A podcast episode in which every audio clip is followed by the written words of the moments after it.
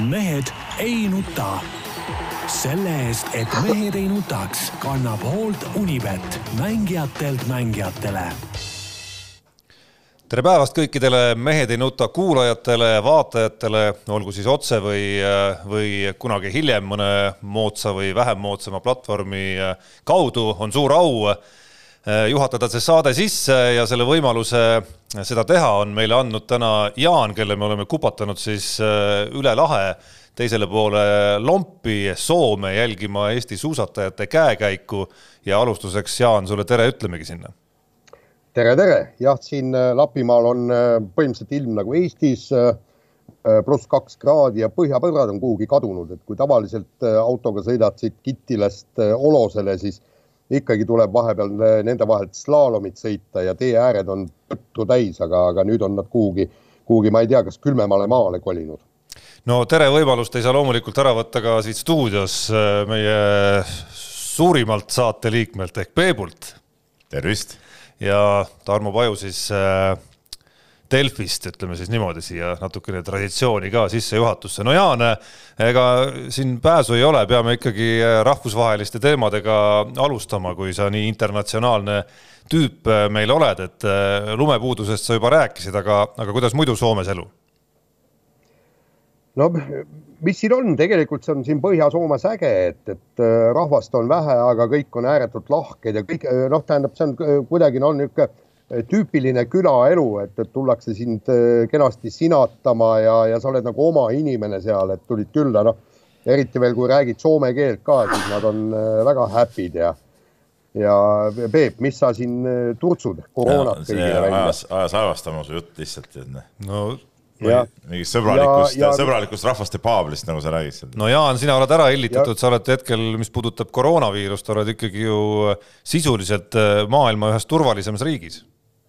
Ei, absoluutselt ja ma arvan, et, et ka ühes turvalisemas paikkonnas, ega ma ei teagi, kui palju siin äh, Põhja-Soomes seda viirust on, aga ega tegelikult maske väga ei kanta. Äh, noh, ütleme, et, et teenindajad, neil on küll maskid ees aeg-ajalt, aga, aga, aga üldiselt siin maski kandmise kultuuri veel äh, juurutatud pole, et, et jah, et, et tegelikult siin on lahe ja oleks lund ka, siis oleks veelgi lahedam. No lugedes sinu äh, lugusid, enne kui me päris teema juurde läheme, siis äh, äh, natuke tuli nagu nukrus peale, et isegi sellises kohas, kus Jaan käib Põhja-Soomes algas sinu olustiku kirjeldus sellega, et tibutab vihma on must maa, hall taevas ja nii edasi. Ja ei, absoluutselt. Ja, ja noh, tähendab, ütleme niimoodi, et, et ikkagi seda nii-öelda päris, äh, päris olose õhkkonda siin kindlasti pole ja, ja pilved on väga madalal. noh, ma olen praegu lennujaamas, tahaks nagu koju hakata reisima, aga öeldi, et, et äh, võib juhtuda, et madalate pilvede tõttu lennuk maanduda ei saa, siis pannakse meid bussi peale, sõidaks, sõidame Rovaniemisse ja sealt lähme lennuki peale. ühesõnaga paras kamma ja, et tahaks ikkagi, ikkagi niisugust piltpostkaarti nagu äh, lumiste kuuskedega ja, ja nagu on see Olos tavaliselt pakkunud. aga miks, miks Rovaniemi, mina teeks ettepaneku ikka panna bussi ja Helsingisse välja. noh, mis see, mis sõit on mingi tuhat natuke kilomeetrit peale Oloselt, et see suts ja valmis tead, noh. või sul oli ju rendiauto no, seal ka, võtad uuesti rendiauto ja kütad autoga, mis sa lendad. Peep on omal ajal sõitnud Kaasanisse välja ju Tallinnast. muidugi. oluliselt pikem maa. muidugi kuule, kui siin Argentiina rallil olime ja lennukid ei lennanud, võtsime rendiauto seitsesada kilomeetrit paduvihmas, panime nii, et pähe polnud. vot kus kole lugu, seitsesada kilomeetrit tervenisti. ei, ei, see ei olnudki kole lugu, see oli jumalast lahe sõit. no muidugi. no nii äh enne kui läheme päris teemade juurde, ma kasutan ära saatejuhi rolli, mis on äh, kord aastas umbes äh, usaldatakse, et äh, tavaliselt saate lõpus läheb meil hirmus kiireks, ei jõua kirjadegagi ühele poole saada. et ma võtan selle hetke kohe siya saate algusesse, et kutsun üles kõiki meie vaatajaid-kuulajaid vajutama siis näiteks Spotify's follow nuppu ehk siis asuma jälgima meid või iTunesis kuhu meie podcast'id jooksevad, äh, seal on ka oma nupud selle jaoks ja kirjad ikkagi siis men.delfi.ee. võtame täna kindlasti rohkem aega selle jaoks ja kuna Jaan tundub, et äh, siin oli oht üleval, et ta peab enne saate lõppu juba lennuki peale minema, et tundub, et tal aega saab maa ja ilm olema seal, siis ei ole, ei ole probleemi. see mure on ja, maas ja. meil tänase saate juures. ma tahaks ka enne, kui me ka teema juurde läheme, ma tahaks ka ühe, ühe nagu tervituse teele saata või mul oli eile, eile hea võimalus, ma Tarmole siia tulles rääkisin ka käia Elvas. väga tore koht. ja, ja väga tore koht ja Elvas ma olen muidu varem ka palju käinud ja, ja väga-väga uhke koht ja, ja on väga-väga vägev spordihoone seal püsti pandud, käisin seal sees, käisin seal korvpalli mängimas võistkonnaga ja, ja tõepoolest saali sisenedes ma kohe tundsin sellist nagu uue asja lõhna nagu see nagu, nagu, nagu uude autosse oleks istunud. et, et väga mõnus ja väga, väga ilus ehitis ja, ja väga uhke asi on püsti pandud, et seal, seal ikka kohalikud mehed, ütleme, on, on tubli töö ära teinud ja ja Martin Järveoja isa teadupärast on seal ju siis, mis ta nüüd on vallavanem, vanasti vist oli linn, eks ole, et oli ka mängu vaatamas ja, ja, ja oli nagu näha, et ta oli ise ka selle ehitise üle nagu uhke, et, et käis seal vahepeal natuke rääkimas sellest, et, et ei väga,, väga-väga uhke värk, et, et, et vot äh, ikka maakohtades või ütleme, väikestes kohtades peavad olema siuksed eestvedajad, kes, kes siukseid asju julgevad ette võtta ja, ja ära ka teevad ja, ja ja siis, siis kõik normaalsed inimesed kolivad siit Tallinnast ära, mis on nagu, mis on igati tervitatav. no nendes Lõuna-Eesti kohtades ja mitte ainult Lõuna-Eesti kohtades, äh, minge kasvõi Kuressaarde Äh, või Kärdlasse ja Hiiumaale, et üks, üks asi, mis mind alati on kadestama pannud, on kõik see kergliiklusteede võrgustik, mis seal on ilmselt peaasjalikult Euroopa rahade abiga ikkagi kokku pandud ja selle eelduseks on samamoodi olnud see, et nendes linnades ja valdades on mingisugused eestvedajad, kes selle asja on ette võtnud ja kui nüüd meie saate kuulajad, kes minu koduvallas, Raasiku vallas elavad ja ka vallas töötavad inimesed vihjest aru ei saanud, siis igaks juhuks ütlen nagu otse ka välja, et võiks ka mõne tee ehitada. et iga, igatsen ausalt öeldes siiamaani ja endiselt. aga näiteks meil on seal juba Vasalemma kandis on teid ehitatud juba näiteks mööda kerglikust teed saad Vasalemmast Ämarisse, saab Rummule, ütleme Keila poolt saab tulla juba Leholasse, nüüd ma ootan, väike vihje meie valla vendadele ka, Lehola-Vasalemma lõik tuleks ka ära teha, vaata siis oleks hea sealt rattaga libistada, muidu seal päris tiheda liiklusega maantee, et ei olegi hea sõita seal tee ääres. nii, no minu konkreetne soov on ka nii-öelda Jüri poole see tee nagu ära vedada kuidagi, aga ärme, ärme väga kommunaalseks lõpuks ei, lähe. aga põhimõtteliselt soovitused on. aga soovitused on väga õiged. Need on, need ei ole mitte soovitused, vaid need on nagu soovitused, mis on mõeldud täitmiseks. ja nii nagu, kuidas see Rein Lang ütleski, et minu eh, kirja palun võtta korraldusena või midagi sellist. no täpselt. Et ma, ma, ma ütlen hästi kiirelt siia, siia vahele ka, et, et seal Äh, Jõelähtmel, äh, seal, kus ühes kohas on kakskümmend maja, keskel on võib-olla kolm maja ja selle kergliiklustee lõpus on veel kakskümmend maja. Ehk siis kokku no viiskümmend maja, no võib-olla venitab kuuskümmend ka välja ja meil on ka nelja poole kilomeetrine kergliiklustee seal kõik olemas kuuekümne maja peale, nii et jumalast briljant. Nii, aga läheme nüüd selle teema ja põhjuse juurde, miks äh, Jaan on komandeeritud äh, üldse sellistesse kaugustesse, ehk siis äh, käis Jaan jälgimas, kuidas siis Eesti nii-öelda suusakoondis, vist peab ütlema isegi päris suusakoondise nime. no seal on ka ikkagi nagu... noori ja, ja lihtsalt, lihtsalt suusatajaid, et see ei olegi noh, päris koondis. aga ühesõnaga, et kuidas, kuidas kogu see kooslus seal ikkagi koos funktsioneerib ja eksisteerib olukorras, kus Aivar Rehemaal justkui on ajutine tegutsemiskeeld Äh, kus äh, koondise ametlik peatreener Jaanus Teppan saadeti siis järele justkui nagu äh, treenima neid hoolealuseid, kes Aivar Rehemalt nõu ei tohi vastu võtta ja nagu me esimestest lugudest oleme lugeda saanud, siis ega nad Jaanus Teppani nõu ka kuulda ei taha, et Jaan, ole hea, tee nüüd üks korralik sissejuhatus sellele, et, et mis värk seal nüüd on, mis pilt sulle avanes seal? no põhimõtteliselt ma, äh, ma, ma, ma olin siin kaks päeva, käisin rajal, käisin sportlaste ja treeneritega kohtumas, seisin raja ääres ja kõik ja tegelikult ega ma ausalt öeldes ei saagi aru, et, et mis siin toimub ja, ja oh, kuidas see värk töötab, tähendab selge see, et, et meil koondist kui niisugust ei ole.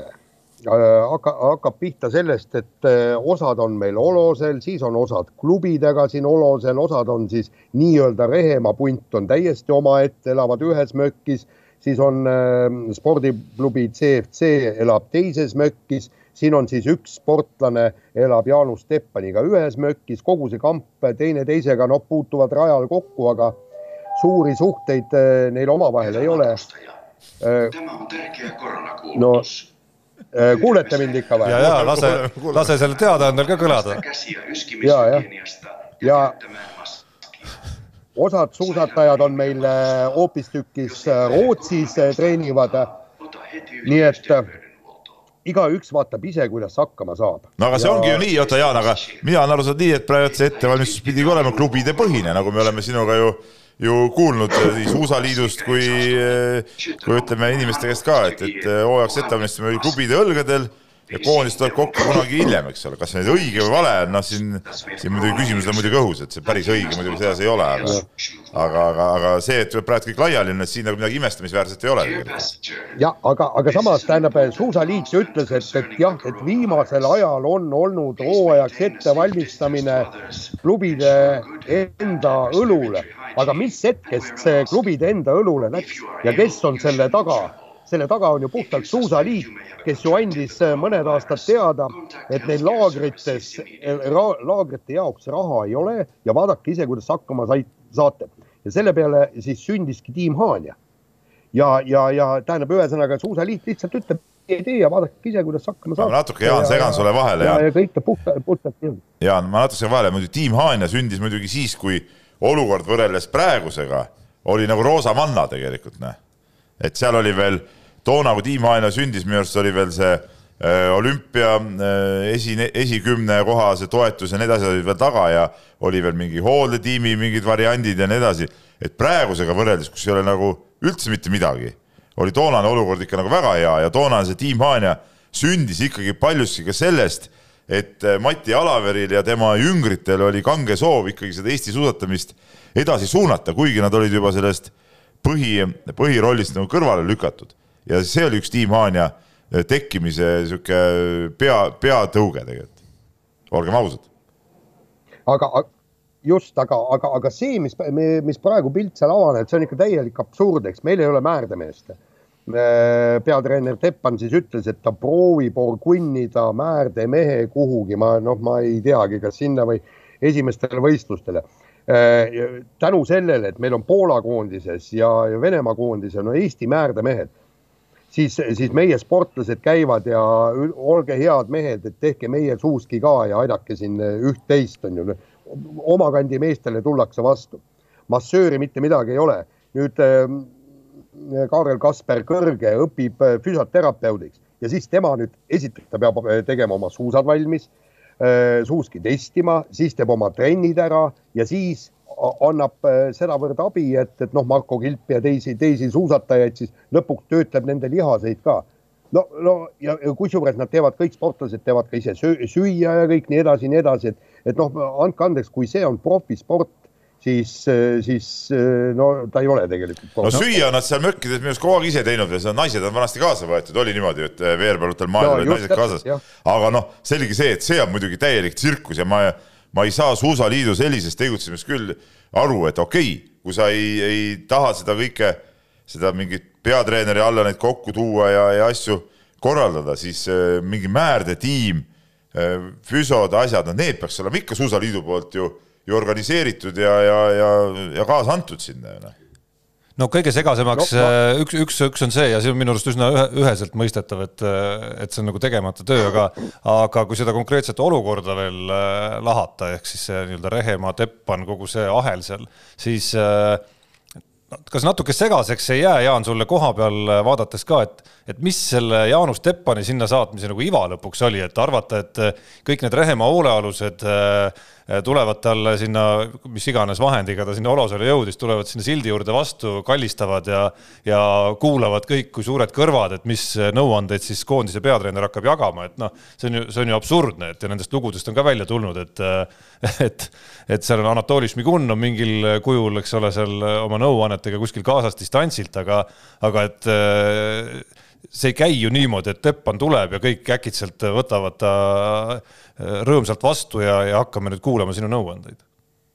no põhimõtteliselt nagu ma saan aru, see on linnukese pärast äh, mees kohale saadetud, meil on, näed, sportlased on seal olemas, meil on peatreener kohal, äh, kolmapäeval on sprindi katsevõistlused, seda siis nüüd Teppan organiseerib sellega pannakse siis eh, Kuusamaa MK-etapi koondis paika, noh, kes sprinteritest veel sinna, sinna saab ja ega, ega, ega muud funktsiooni tal, tal seal jah, ei ole, et, et mul nüüd jah, Peep, tahtsid midagi öelda? aa, kus sa nägid mind? see tehnika sajand, Peep, see on tehnika sajand. ma tahtsingi öelda, küsida seda, Jaan, et ma tean, et sa Teppaniga rääkisid seal kas ta oleks pidanud nagunii minema sinna selle katsevõistluse ajaks või alguses oli plaan, et peatreener ei lähegi selleks ajaks kohale?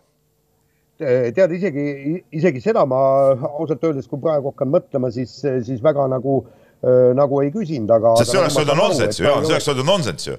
Mis see, mis see Rehemaa pidi siis koondisele katsevõistlusega organiseerima või? et see oleks olnud no, täiesti aju, ajuvaba, eks ole, et, et, et see on minu arust elementaarne, et okei okay, nad on seal omaette laagris, on see CFC klubi, on seal mingid Rehemaa punt, ma ei tea, võib-olla veel keegi, eks ole. Aga tuleb katsevõistlus, no selleks ajaks peab nagu nii ehk naa oleks pidanud peatreener kohale minema, et, et seda asja seal korraldada ja teha.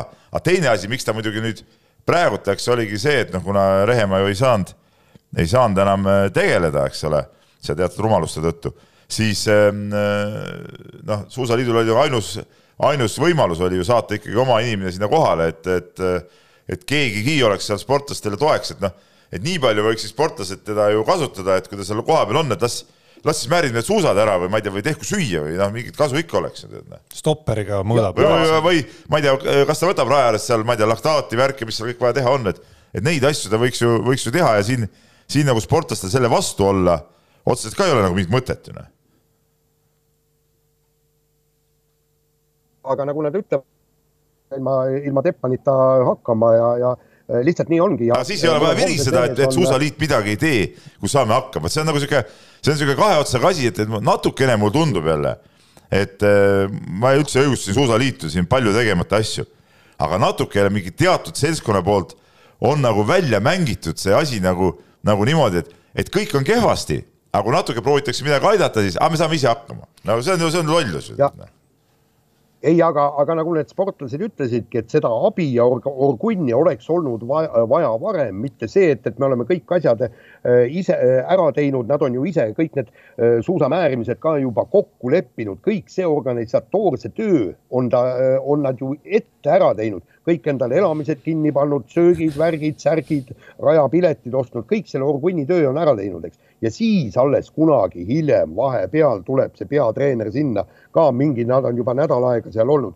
Ja äh, mul on homses lehes on äh, CFD treeneri ja endise Eesti juunioride koondise treeneri äh, Riho Roosipõlluga on intervjuu, seal ta selgitab ka, et miks ta enam juunioride koondisega tegeleda ei taha. Ja ta, tema seletas selle asja väga-väga hästi lahti. märtsikuus peaks olema paigas treeneri treeningplaan, millal on laagrid kõik äh, klubi ja sportlase enda muud treeningud, kõik peavad äh, koonduma selle nii-öelda laagrite ümber. et, et vabal ajal jah te, tegelegu nii, kuidas on, aga laagrites tuleb käia. me ei räägi laagrite finantseerimisest.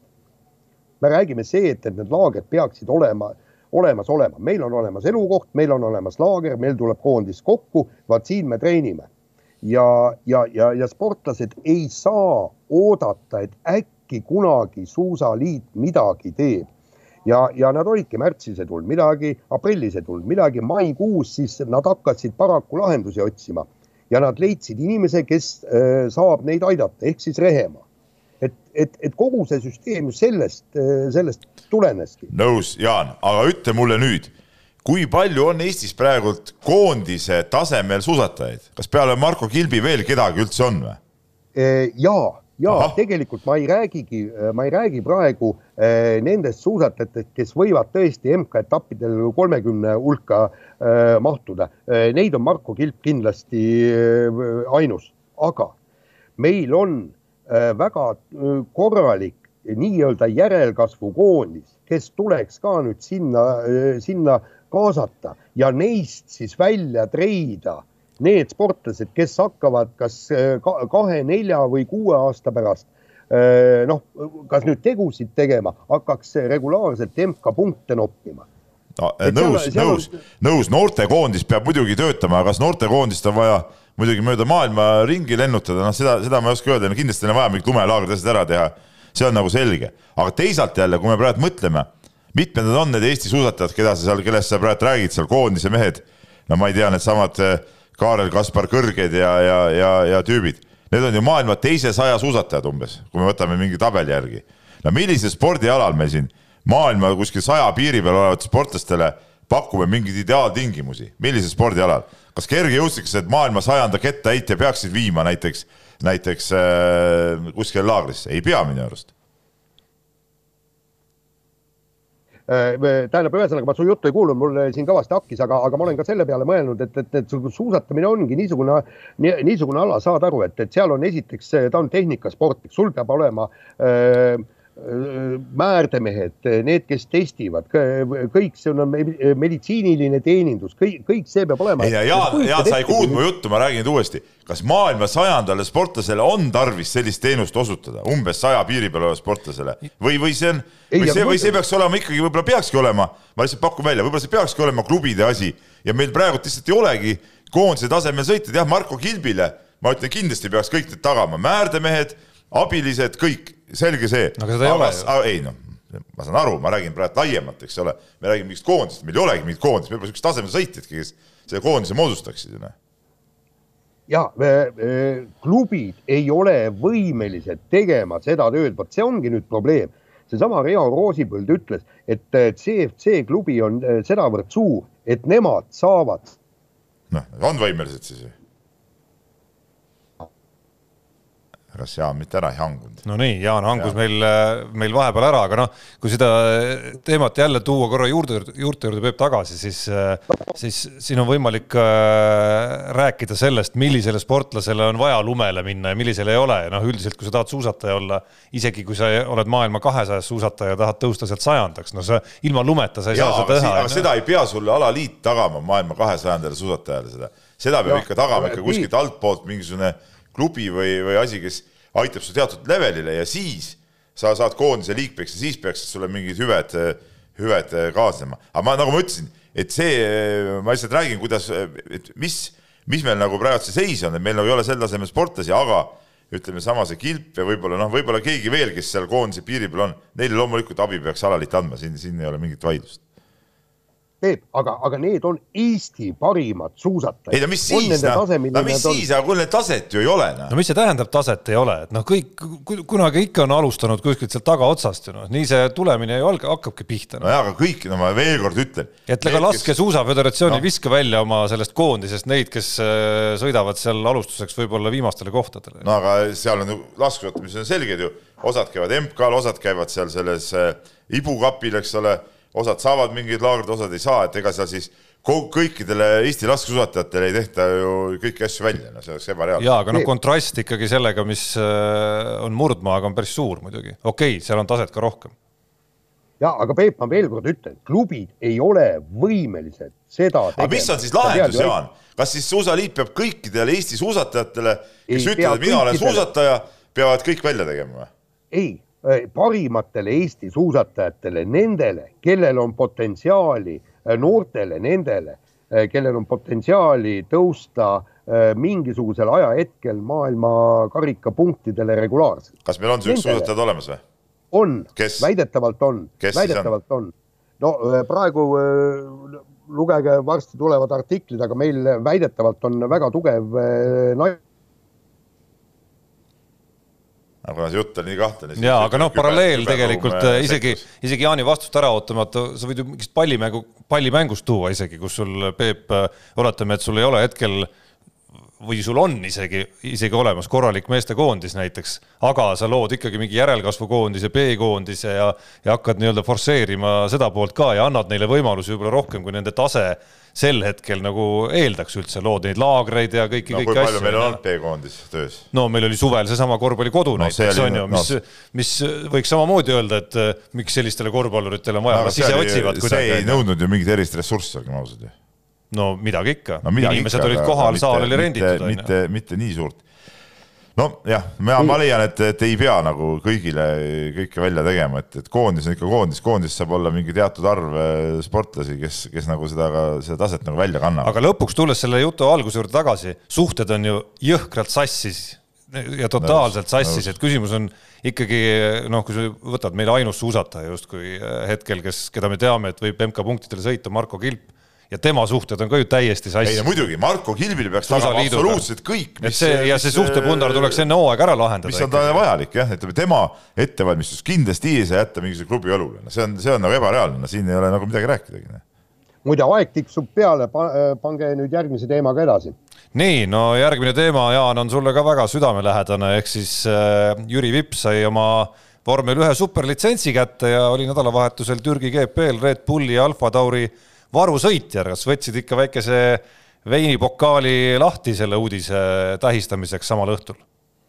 no ütleme niimoodi, et veinipokaali ma võtan äh, lahti ka äh, ette ka siis, kui, kui midagi tähistada ei ole, et, et sellest nagu ei sõltu ja ma ei võtnud ka paremat veini, sest ma joon niikuinii head veini kogu aeg.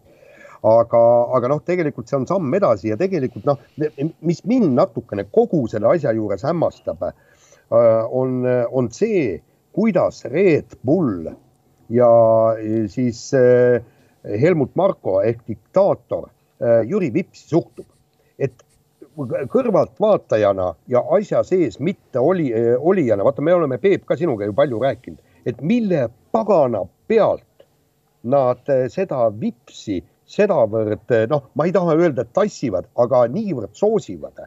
sest tegelikult ega noh, tulemused ei ole, aga see on nüüd meie kõrvaltvaataja pilk ja, ja Red Bull teab, mida ta teeb ja, ja see ei ole lihtsalt umbes, et võtame venna kaasa, teeme talle kõik istmed, paneme terve Silverstone'i ringraja Jüri Vipsi pärast kinni, et ta saaks sõita oma kolmsada kilomeetrit maha, toome talle kõik autotiimid, see on ju kümned ja kümned tuhanded eurod. ja, ja, ja nüüd on vennal superlitsents käes, järelikult Red Bull näeb temas midagi, see on äh, minu versioon, aga see, mida ta näeb, mina ei oska öelda. see on kindel niisugune nii-öelda projekti äh, toimetamine nagu, mis, mis Vipsiga on tehtud, ilmselgelt noh, et, et, et selles on õigus, et seda nähakse ja, ja ütleme, ega meie neid kõiki neid käike nagu ei, ei taju üldse sinna. ja, ja tegelikult, kui me siin eelmine kord rääkisime, vist ka eelmine nädal minu arust Vipsi teemal, eks ole, et ta ei saanud seda sõita seda Jaapani Jaapanis, eks ole, siin nagu äh, nurisesime selle üle tead, sel hetkel oli ju, ju kõik need testisõidud, asjad tal juba tehtud, eks ole, selle vormel ühega ka vist oli Jaan niimoodi ju. et, et, et, et kõik see info ka, mis sealt tuleb, on ju seda tuleb alati võtta siukse, eh, kuidas ma ütlen, et me saame, me teame alati seda, et me ei tea nagunii eh, peaaegu mitte midagi. ja see puudutab tihtipeale ka autorallit, et kõik need tehnikaspordis millegipärast kõik need uudised liiguvad kuidagi mingit teistsugust teed pidi kui kui, kui muus spordimaailmas. no eks seal on see inimeste ring ka ju palju väiksem, et kui sul eh, kuskil noh, pallimängudes kasvõi on ju kuidagi agendid, klubi esindajad, mitu inimest on ju, aga seal on väga indiviidipõhised kõik need ja põhimõtteliselt, mis ma siin ütlen, järgmine aasta on selge, tähendab, et, et see on juba noh, peaaegu kinnitatud, et äh, Jüri Vips hakkab äh, vormel kahte sõitma ja kui ta seal vähekenegi hakkama saab, vähekenegi hakkama saab, näitab, näitab seal korralikku kiirust ja kõik, siis ülejärgmine aasta on ta on vormel ühes. väga, väga selge jutt. aga kuidas sa defineerid seda hakkamasaamist, et äh, äh seni me oleme näinud jah, et, et see Jüri Vipsi edutamine ei ole käinud nagu tulemuste baasil otseselt, et äh, näed, et mees võitis ära selle sarja ja nüüd äh, kuna sa võitsid selle, siis me tõstame su siia, et et seal, äh, nagu te rääkisite just mõlemad siin, vaadatakse nagu tulemuste taha, nähakse tema potentsiaali ilmselt sellest, mismoodi ta käitub vormeli sees, vormelist väljaspool suhtleb, mis iganes isikuomadused, ma kujutan ette, mida seal kõike on välja raalitud selleks, et et kindlaks teha, kas temas on see potentsiaal või ei ole. aga see uus hooaeg, saan ma, Jaan, õigesti aru, on ikkagi nüüd äh, see, kus, äh, kus tulemuse näitamine saab olema ka ikkagi väga võtmetähtsusega no äh, jällegi, mis tulemus, tähendab, üks on selge, ta peab olema tiimikaaslasest kiirem.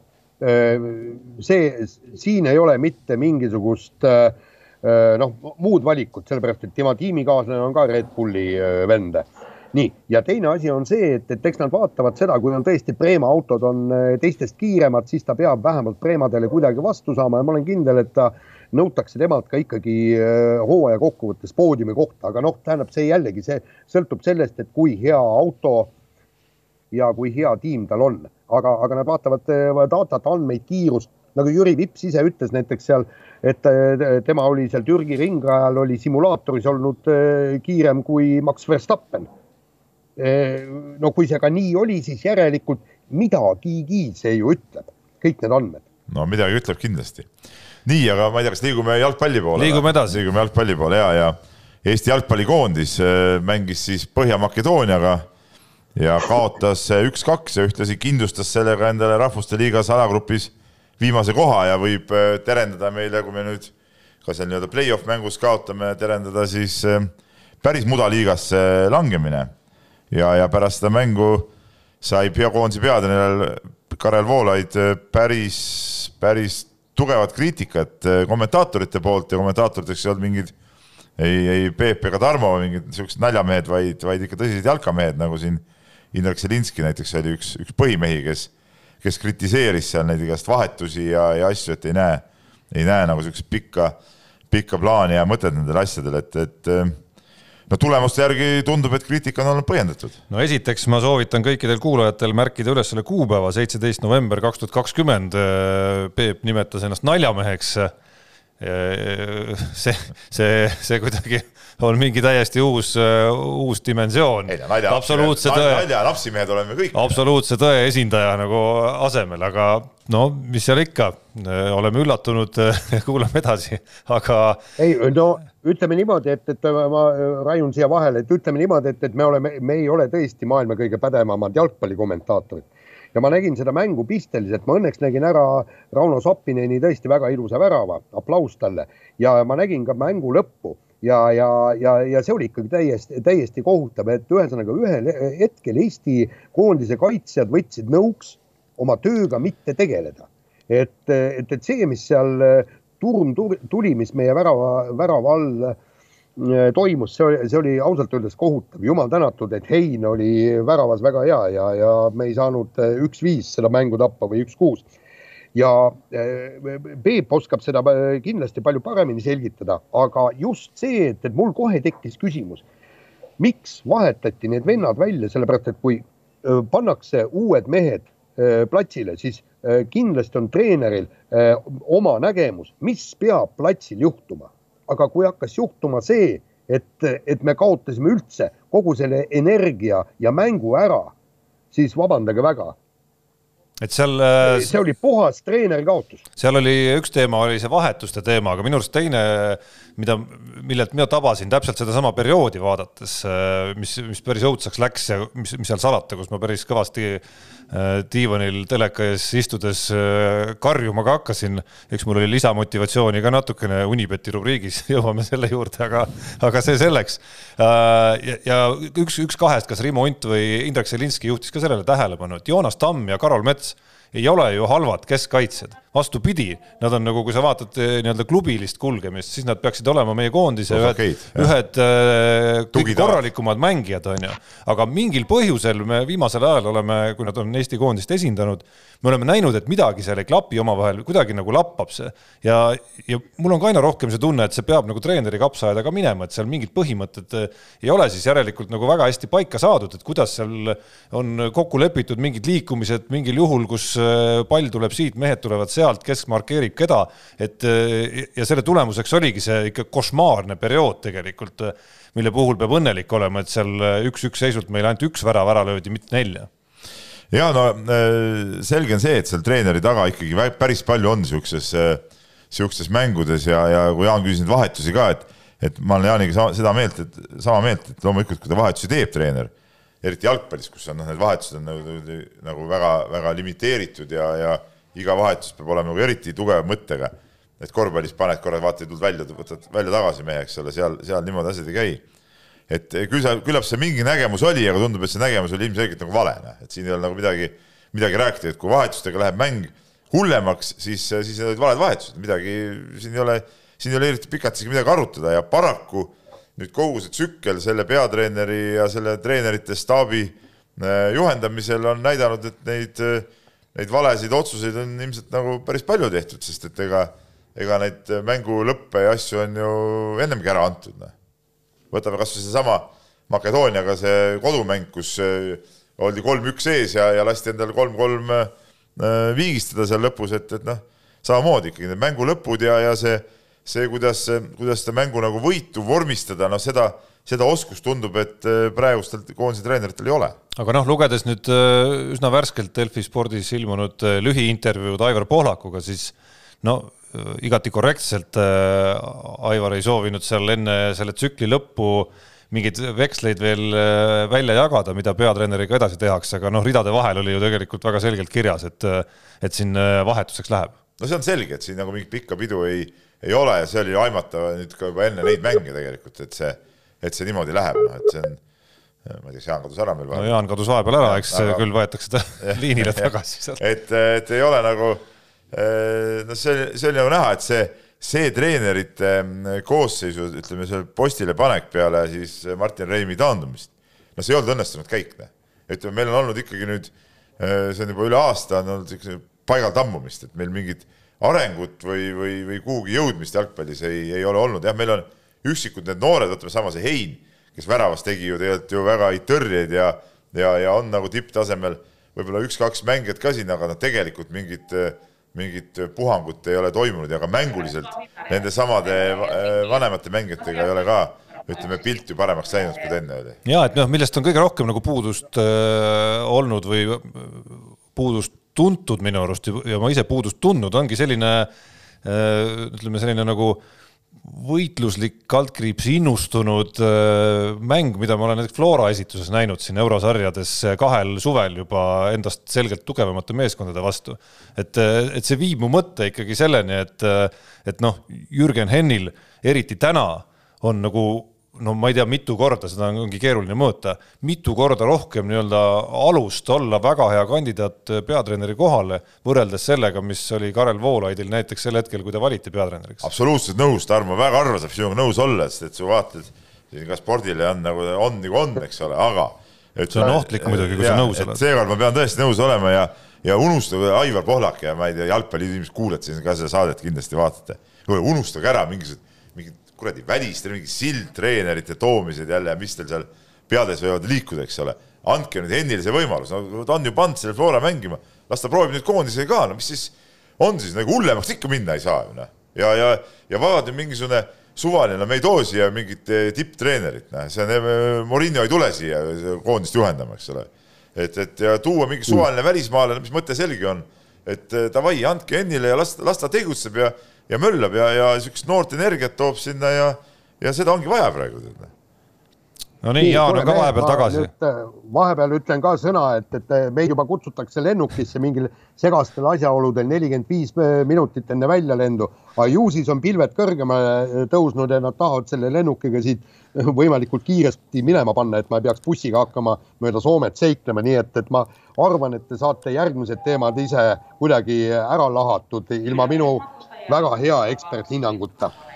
no jumal tänatud, ükskordki saab rahulikult nagu rääkida, et ei ole Jaani, Jaani lollusi siin. ja siin no ülejäänud äh, kakskümmend kaks äh, minutit läheb korvpalli peale siis meil küll kirjas ei olnud korvpalliteemasid, aga üks vahemängus, üks no, kiire sutsakas. sealt, sealt annab kerida päris kõvasti. ja no lähme kiiresti jah. nii, aga, aga lähme ralli peale. ja lähme ralli peale ja siin äh, no väga pikalt vist ei ole põhjust peatuda on, või on, on.? ühesõnaga Ott Tänak võitis Kehala ralli suure eduga mis seal salata, mulle, kes ma ei ole nagu nüüd nii põrinate äh, fänn, et, äh, et neid detaile seal naudiks, mida sina naudid, siis noh, nagu väga huvi ei tekkinud selle vastu, et see, et ta võidab pika puuga, oli ju selge juba nagu sel hetkel, kui tuli uudis, et ta osaleb seal, aga sina, ma saan aru, leidsid ikkagi midagi sealt ägedat, sellelt ürituselt, peale see, selle, et Tänak oli kohal. vaata, see näitabki seda, et kui ütleme, pealiskaudne, ütleme, asjatundmatu ütleme, spordižurnalist sa tahaksid nagu olla praegu? ei, vastupidi, Peep, see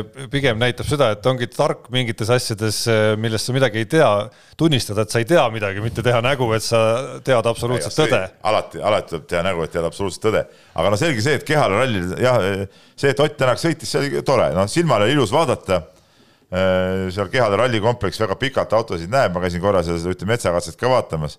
noh, Tänaka sõitu on alati, alati ilus vaadata aga see kindlasti ei olnud nagu minu jaoks selle, selle laupäeva nagu põhi, põhipoint, põhipoint oli ikkagi see, millest ma kirjutasin ka tänases Eesti Päevalehes olid, olid need kolm noort eh, meest, kes sõitsid siis R5 autodega. Eh, seal Georg Linnamäe sõitis küll juba noh, terve selle hooaja on sisuliselt sõitnud, peale talve hakkas, hakkas sõitma, aga, aga Gregor Jeets ja, ja, ja nüüd noh. noh siit tuli aju. asjatundlik mees meil siin. üldiselt Saaremaa mees no kuidas saab tulla niisugune, niisugune nime, nime väljaütlemise kramp, eks ole. no vanus. Äh, Robert Virves siis ütleme, olid, olid need mehed, kes esimest korda sõitsid selle R5 autoga ja, ja nende seda kulgemist oli küll väga huvitav vaadata ja, ja neil oli väike võrdlusmõõdupuu ka seal veebi näol, kes on ikkagi R5 autode maailma, maailma tipp, okei okay,, nad temale seal päris vastu ei saanud, aga võtame sama Jeets ja Virves, kes esimest korda olid, olid selle auto roolis. noh, nende asi ei olnudki võib-olla seal viimast võtta, et eriti Virvesel, kes, kes sai siis Marko Märtini tiimis sõita ja, ja ta ise tunnistas ka, et põhiline oli see, et auto tervena finišisse tuua ja, ja seda reservi ta nägi kiiruses väga palju. et noh, tegelikult on nüüd nii, et meil on nüüd järgmine hooaeg, kõigil meestel on nagu selge siht silme ees minna välja, minna osaliselt MM-rallidele sõitma nende R5 autodega. kui me teame, et äh, siin on veel Egon Kaurid äh,, siin noh, mehi, kes, kes, kes tahavad sinna välja tulla, on veel, siis Eesti ralli sihuke, kuidas ma ütlen, sihuke järelkasv, noh. Ott Tänaku selja taga on nagu piisavalt äh, lai ja, kuigi võib-olla ajad on võib-olla keerulised, tundub, et raha ei ole ja sõita ei saa, siis tegelikult neid vendi, kes, kellel on nagu mingid projektid kokku pandud ja nad otsivad seda võimalust on päris palju ja mulle tundub, et need mehed on ikkagi ka päris kiired, et seda nagu siin tõestas ka Rally Estonia. ja ütleme näiteks, võtame sama Virvese, äh, sõitis selle esiveoliste autodega, no selgelt oli siin kõigist üle, käis Soomes, oli seal väga kiire. et noh, nüüd tema samasuguse auto peal jätkama peaks ilmselge raiskamine, et tema peab igal juhul saama nüüd neliveolise autoga sõita. Äh, sama asi on, on selle äh, noore Jeetsiga, et ta oli nagu Virvese varjus siin kogu aeg esiveoliste autode peal, aga näiteks seal näitas, et võib olla väga kiire et, et, et, et siin nagu huvitavad, huvitav on vaadata järgmine aasta, mismoodi nad kõik sõitma hakkavad ja, ja ma arvan, et see on mõnes mõttes isegi Eesti autospordile olulisem kui Ott Tänaku sõitmine, sest Ott Tänak on maailmameistriks juba tulnud. noh, tore on, kui veel tuleb ja, ja loodame, et tuleb, aga see, et, et meil nagu tulevikus oleks ka kedagi nagu jälgida seal rallimaailmas, kellele pöialt hoida, et see on, see on nagu võib-olla isegi järgmine hooaeg eh, kõige olulisem, et neil meestel oleks ikkagi võimalus välja minna nii, nagu nad tahavad ja nad saaks sealt ka tulemusi näidata. no nii, Peep oli sõiduvees, nüüd kuulame kõlli ja kuna Jaani pole, siis äh, kiire vahemängu saame äkki seekord päriselt ka kiiresti teha. ja, aga me samal teemal lähme nüüd kohe edasi. ja Soome ärimees Marko Raudio aitas Egon Kauril soetada uueks hooajaks Volkswagen Polo R5 auto.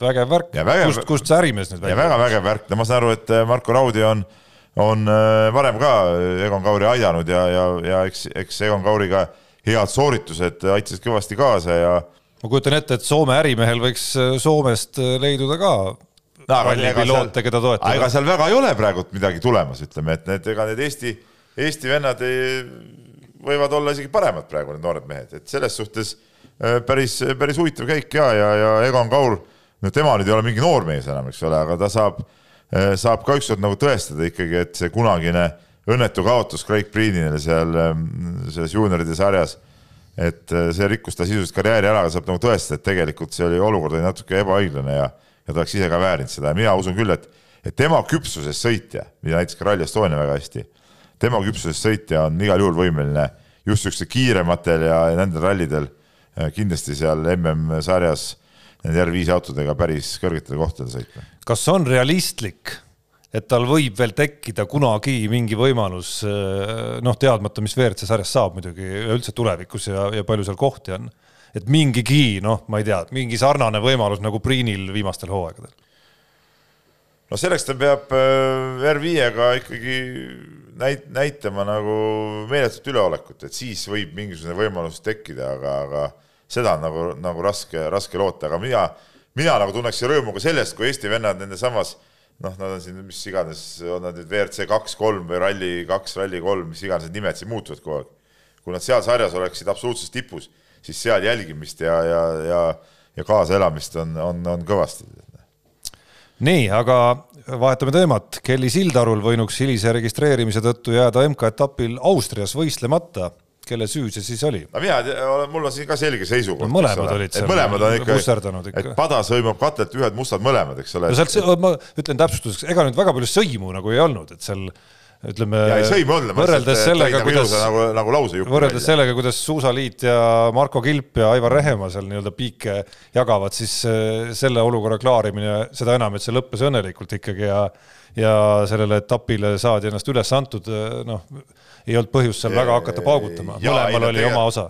vot siin on muidugi see asi ka, et, et avalikkuse ette võib-olla kogu see paugutamine ei, ei jõudnud, et mul on natuke andmeid, et, et võib-olla seal niimoodi kuluaarides see paugutamine oligi kõvem, aga siin on nagu kaks asja, et esiteks Kelly Sildaru peab ka nagu aru saama, et et nende FIS-i võistlustel ja see, et nad, nad pea, võiks nagu mingi oma, oma äh, hooajavõistluse plaani nagu aegsasti Suusaliitu ära saata, et äh, noh, seal nagu teatas ka, mis nagu toimumas on, et see ei ole nagu päris individuaalne sport, eks ole.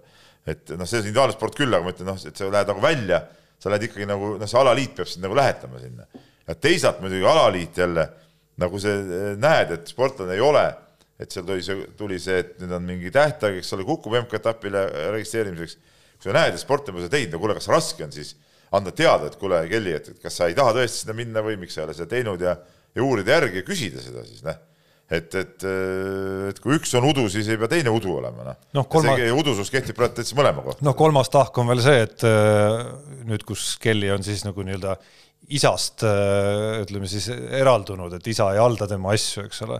et siis äh, mismoodi see üleminek nagu täpselt toimus, et kas äh, ta sai nagu väikese nii-öelda nagu uuele töötajale tehakse väikese koolitus, kuidas meil asjad käivad, et väikese manuaali, et näed, MK-etappidele kaks kuud enne pead teada andma, nii edasi. no ma olen täiesti kindel, et seal mingit manuaali kaasa ei antud, et, et seal on need suhted piisavalt pingelised selle jaoks, et hakata, hakata mingeid manuaale siin üksteisele koostama, et et äh, jah, ütleme tegelikult, äh, kõigile oleks kasulik, kui see kogu see seltskond suudaks omavahel nüüd kuidagi kokku leppida, kuidas neid asju aetakse, tead, no nii, nii Sildarute äh, laiali läinud perekond omavahel kui, kui siis suusaliit, et suusaliit oleks ikkagi nagu, nagu kõigi, kõigi jaoks nagu ühesugune partner nii-öelda nii, aga Eesti jalgpallikoondise juurde naaseme korraks veel. Itaalia mängueelsel pressikonverentsil toimus siis virtuaalsel teel see Eesti ajakirjanikele manitseti siis ajakirjanikke eraldi, et ärge selle Henri Anieri ja Paide ja Vjatšeslav Zahovaiko teema kohta ikka väga küsige midagi, et aega ei ole väga vastata ja nii edasi. no see on, see oli imelik no.. no see on ilmselt natuke, no see on, see on ikka tule taevas appi, noh. no see näitab Jalgpalliliidus viimasel ajal üldse kostab mingeid imelikke signaale kogu aeg, et et küll siin mingeid lugusid ei avaldata kuskil žurnaalis ja nüüd, nüüd ei tohi küsimusi küsida ja et noh, halloo, millega tegelete seal? ainus, mille üle ma imestasin, on, ma selle üle väga ei imesta isegi, aga selle üle, et, et siis, et ei küsitud ka siis. ei küsitud ka täpselt, no see oli nagu, seal olid vist mingid noored ajakirjanikud koos, mis, mis, mis nali see oli, et ei küsitud, aga no okei okay,, noored noorteks, et see, et kui jalgpalliliit ise kohe tuleb siukse eh, jutuga välja, et ärme nüüd selle teema kohta küsi või sellest ei räägi, mis, mis mõttes ei räägi, see oli ju, see oli üks teravamaid teemasid enne enne neid äh, koondise mänge. ei no või jätke siis Karel Voolaidile see võimalus öelda, kui see küsimus tuleb, et äh, minu poolt case closed, ma ei taha rohkem nagu rääkida, las Zahhovaikod ja kes seal on. see on ütle, no ei no aga see on, jaa, aga see, see ei ole nii nõrk kui see, et ütleme juba ette ära, et ärge küsige nõrk. üldse. see on täiesti nõrk ja see, et Jalgpalliliit ei, ei lase enda jaoks mugavaid teemasid nagu menetleda, käsitleda, näitab selle organisatsiooni absoluutset nõrkust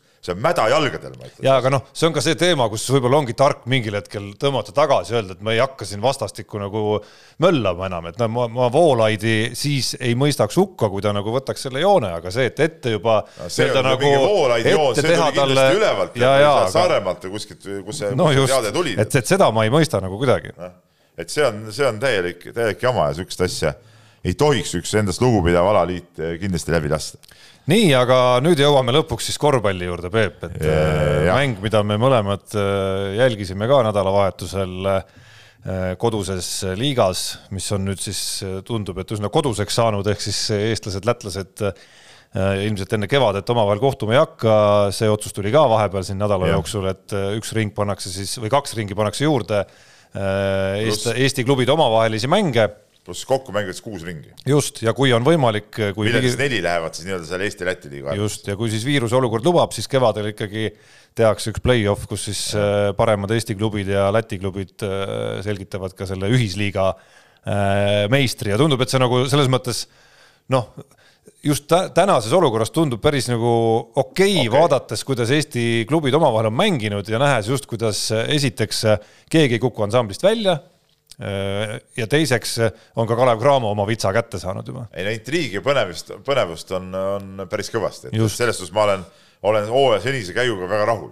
nii, ja üks meeskond, kes siin intriigi eest on hoolitsenud juba aastaid ja hoolitseb ka sel hooajal, on, äh, kuidas see õige nüüd see järjestus oli, see Tallinna Kalev TLÜ. no vist nii, jah äh, mis siis nädalavahetusel käis külas Tartus, kaotas seal kohalikule Tartu Ülikool Max ja Mooritsale, ütleme välja, tunnustame toetajaid ka ikkagi, kes raskel ajal aitavad. saavad, saavad liha süüa. ja, ja selle mängu äh, tulemuse kõrval oli päris haruldane ikkagi näha, et brändis Reili Rossi masti mees äh, enam kui kakskümmend punkti keskmiselt mängu stabiilselt jäi nulli peale viskad kolmeteistkümnest null. vaata, sa ütlesid, me vaatasime mõlemat seda mängu, mina vaatasin tegelikult ainult viimast kaheksat minutit, ma sõitsin sealt kehade rallilt tagasi.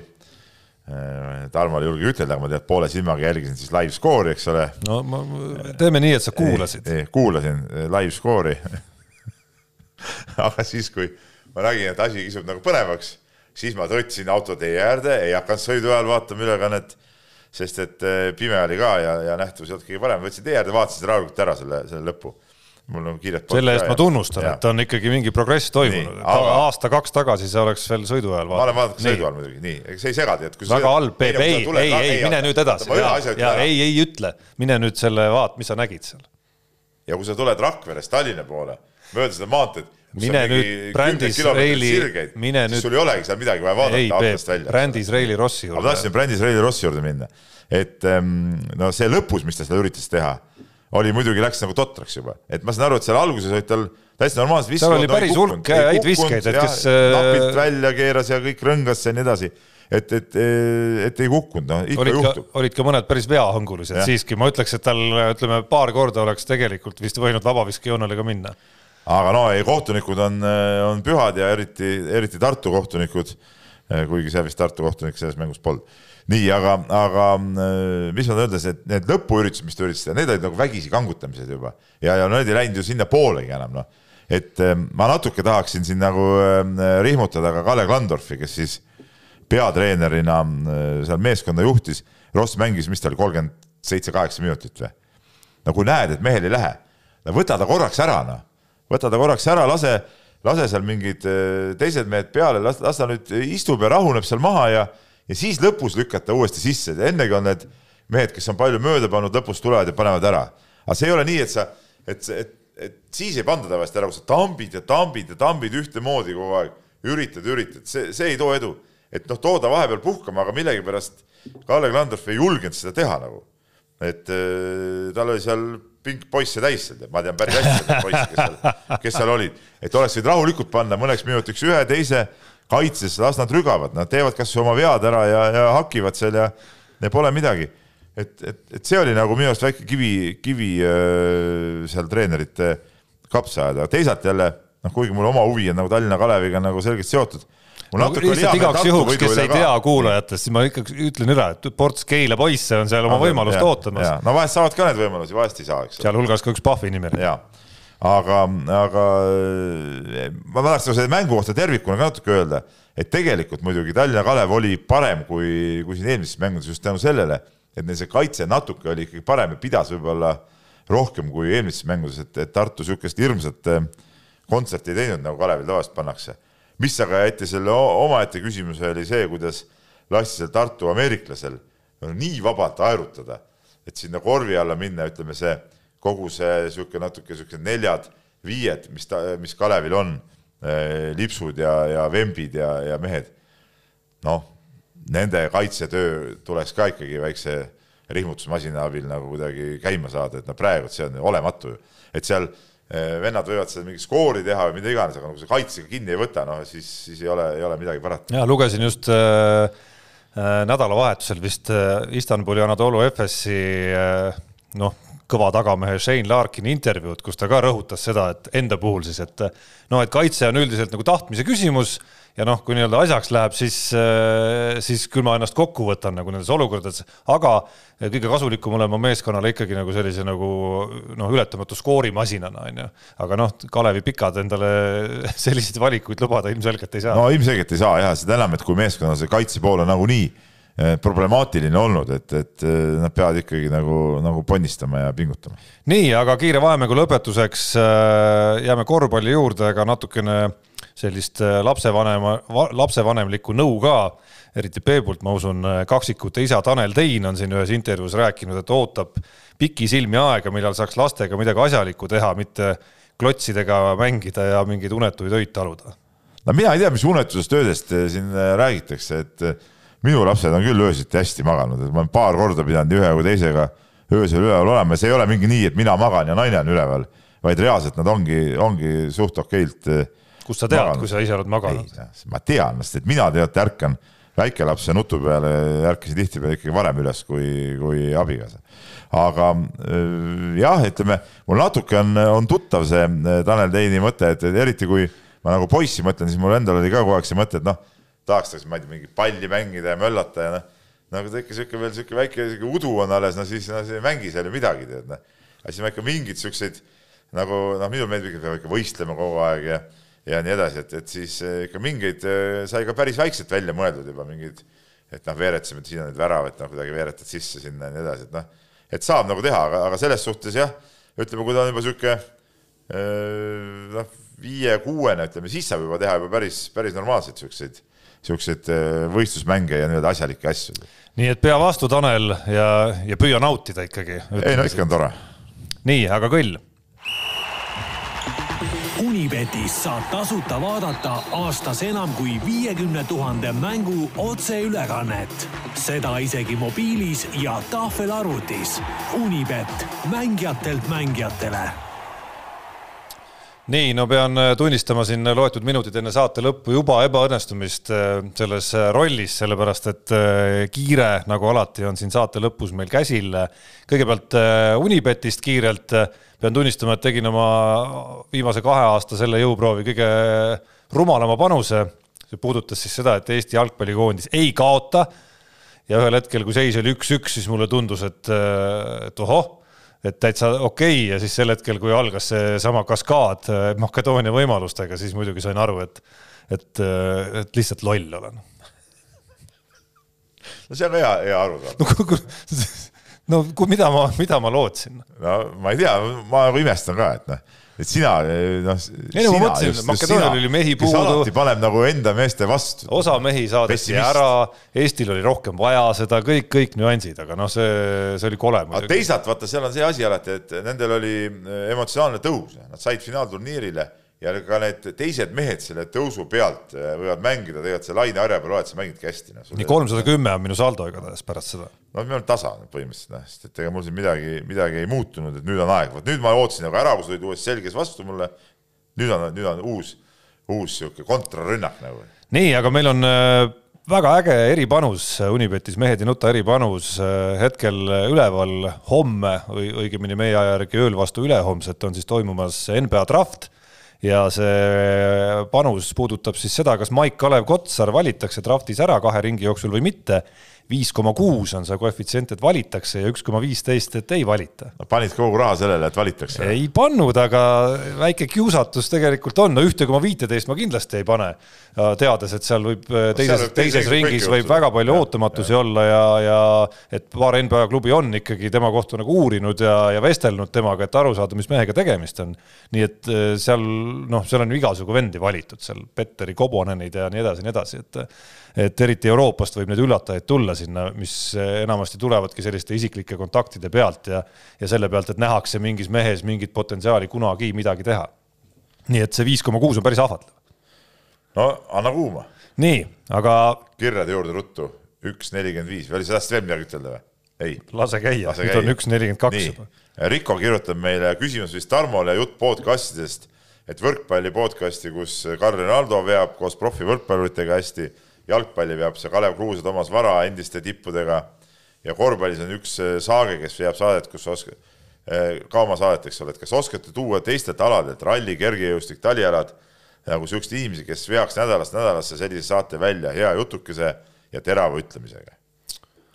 no rallis ju tegelikult kus sa selle piiri tõmbad seal piloodi ja mittepiloodi vahele, et siin on ju mingid podcast'id olemas, mida sina tead isegi paremini aga noh, kergejõustikus, äh, mida mina väga nautisin, äh, olid siin Karl Rinaldo äh, podcast'id staadioni juttude osas, aga seal ta, aga noh. mõtleb just, et kes saatejuhtidena oleksid ka ikkagi need nagu, nagu. noh, Karl oli ise ka tubli kümnevõistleja ikkagi. no ta oli jah, noh, ta oli sihuke harrastuskümnevõistleja. aga jah, kes seal, ma usun, et seal on potentsiaali tegelikult küll, küllaga tegelikult et, et, erinevatel äh, ma ei tea, ma arvan, Rasmus Mägi näiteks oleks väga huvitav äh, podcast isegi. ja ma arvan küll, et keskmisest tõsisem, äh, just analüütilisem, aga väga huvitava saate saaks näiteks Rasmus Mägi juhtimisel. ja, ja, ja ma arvan, et nagu sa ütlesid ka rallis, eks ole, et seal on, seal on siuksed, noh, tegelikult on ju välja tulnud juba need vennad Krudad mõlemad näiteks on väga head, kes stuudiotes käivad äh, rääkimas ja, ja arutlevad, arutlevad väga hästi, et siukseid,